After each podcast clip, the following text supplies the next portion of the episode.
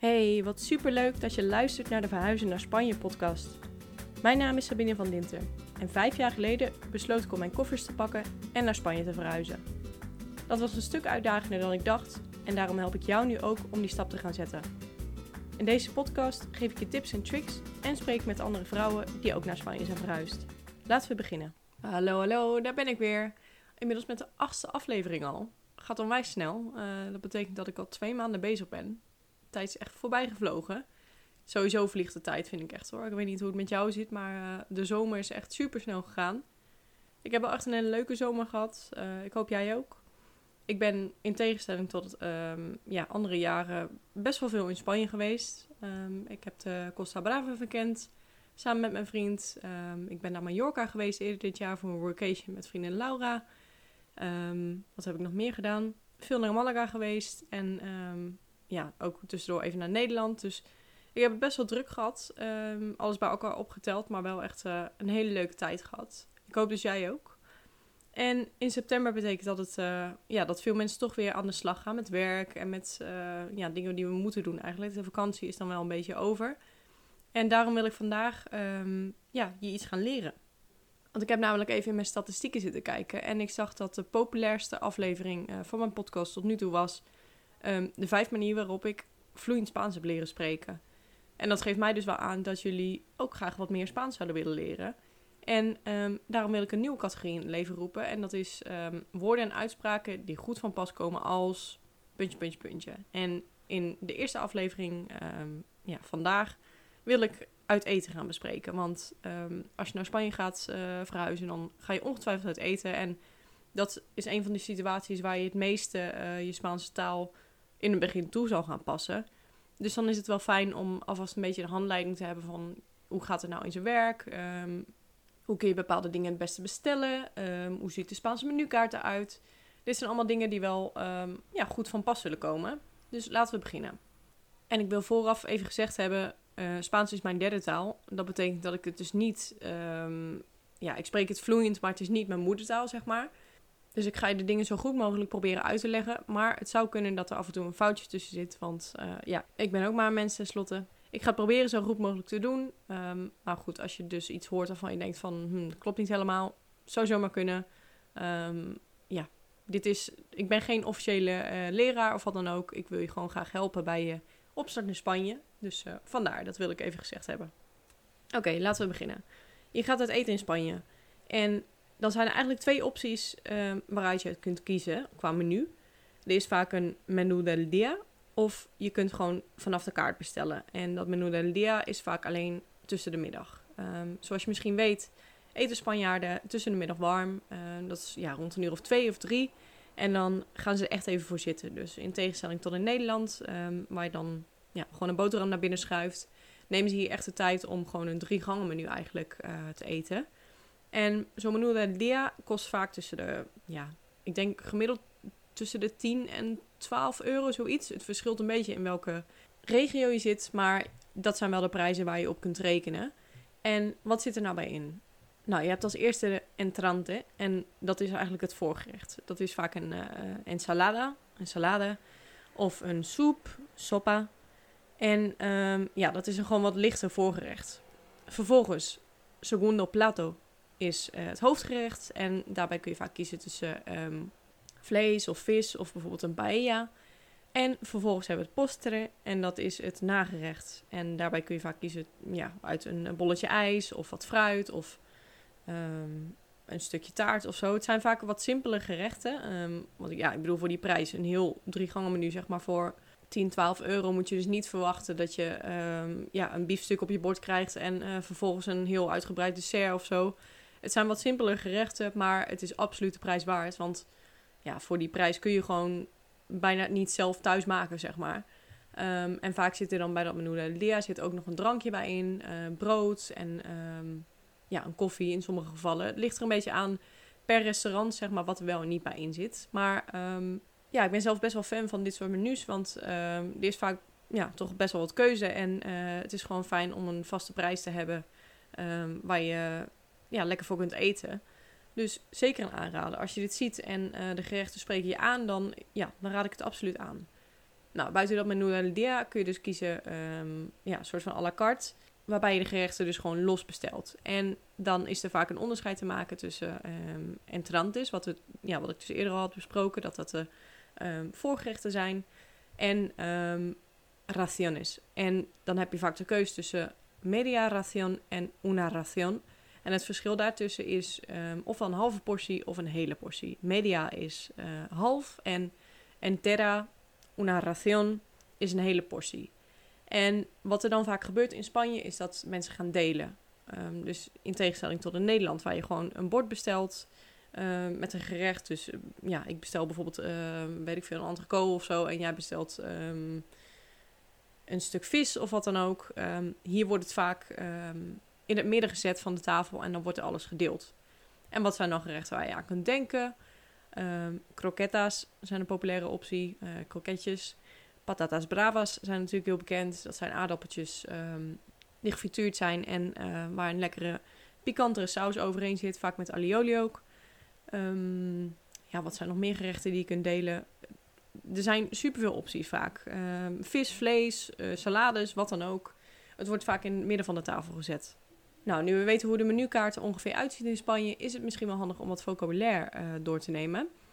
Um, je weet nu hoe je een media ración of een hele ración moet bestellen um, en wat het inhoudt. Het menú del dia met een entrante, segundo plato en postre.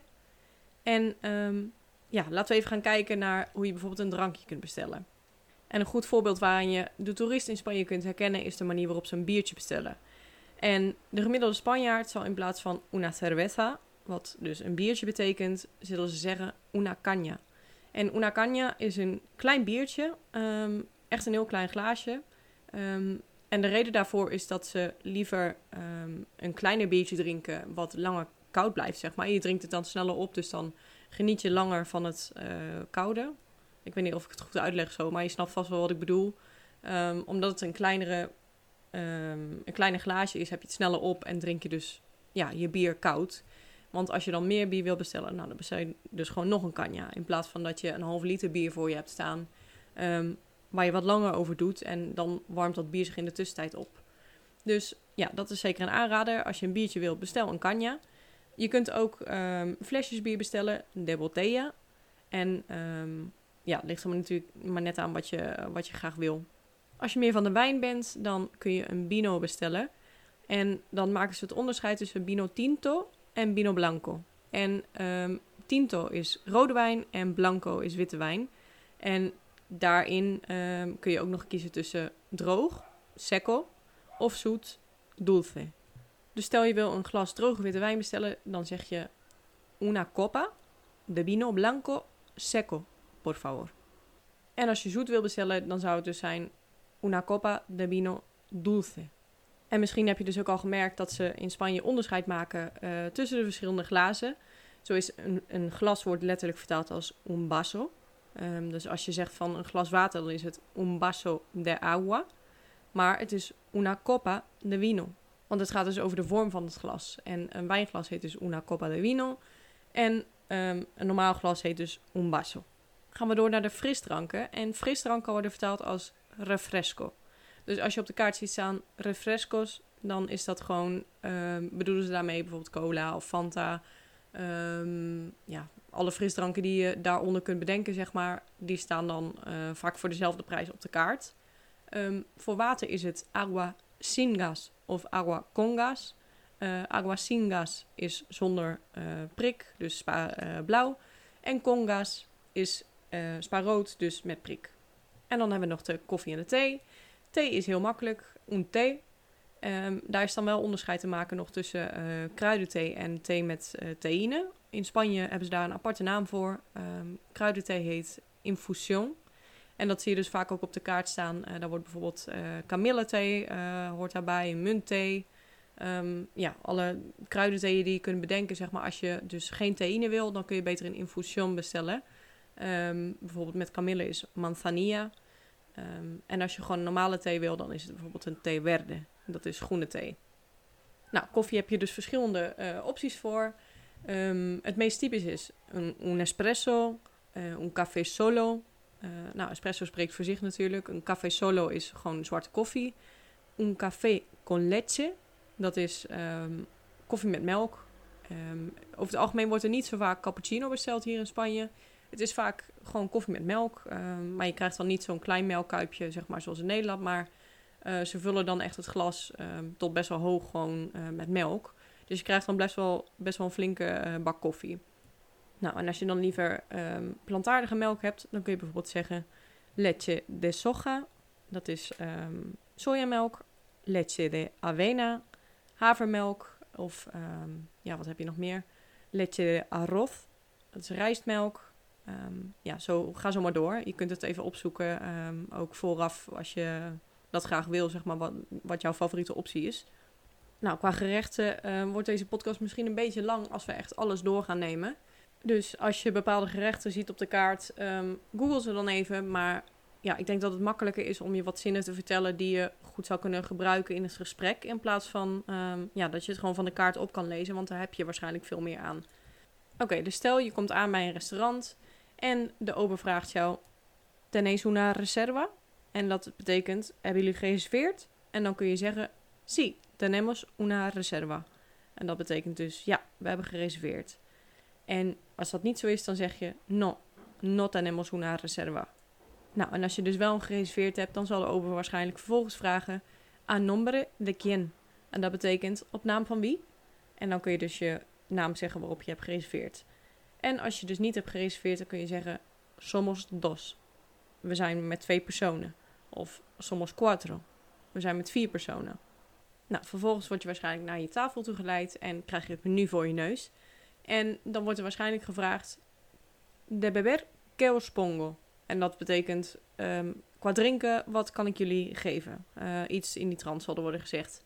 En nou, als je het weet, dan eh, kun je het gewoon meteen aangeven. Dus een agua of een una caña of una copa de vino, wat we hiervoor al besproken hebben. Ehm, en als je nog even het menu wil bekijken, eh, dan zeg je voy a ver la carta un segundo. En dat betekent, ik ga nog even naar het menu kijken. Nou, vervolgens kijk je dus op het menu wat je eh, graag zou willen hebben. En als je besloten hebt om bijvoorbeeld te delen, dan bestel je dus al die gerechten en dan zeg je es para compartir. En dat betekent, het is om te delen. En wat ze dan zullen doen, is dat ze dus alle gerechten tegelijkertijd op tafel zullen zetten. En ehm, je waarschijnlijk een kleiner bordje geven per persoon. Ehm, omdat ze, ja, dan kun je dus vanaf die grotere borden kun je het naar je eigen kleinere bordje brengen en zo alles delen. Nou, stel de ober die komt te vroeg naar de tafel toe en je hebt nog eh, geen besluit genomen, dan kun je zeggen: Necesitamos un minuto más, por favor. Of necesito, als, het, als je alleen zou zijn. Ehm, je moet natuurlijk wel de werkwoorden vervoegen die ik hier noem.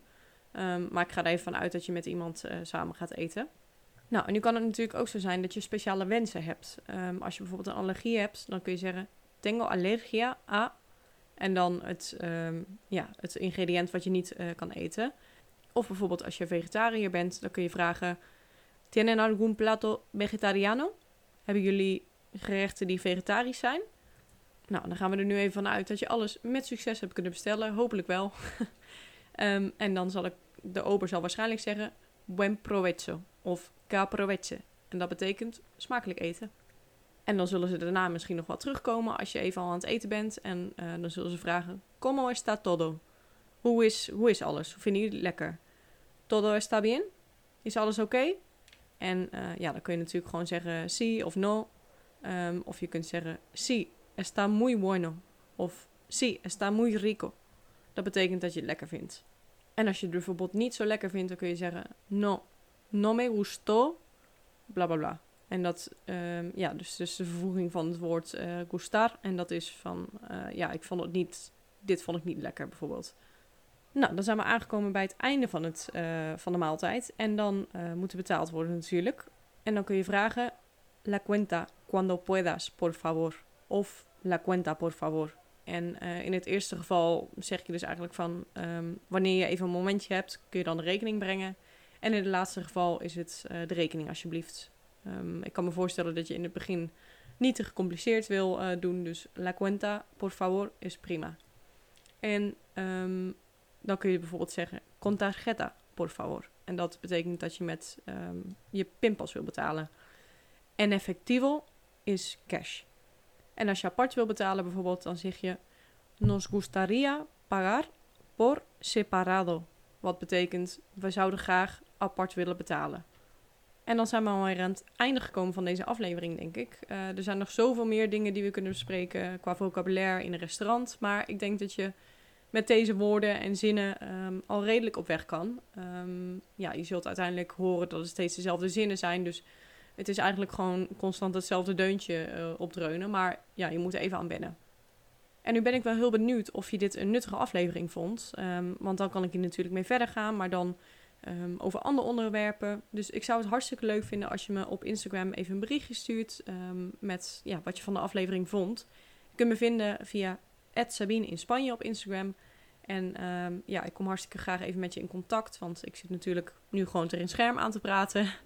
Dus het is hartstikke leuk om reacties te ontvangen en uh, te horen wat jij ervan vond. Dus um, ja, let me know. En daar kun je trouwens ook terecht als je graag naar Spanje zou willen verhuizen. Um, maar ja, je, je komt nog niet tot het zetten van die stap, zeg maar. Je hebt een uh, hulp bij nodig.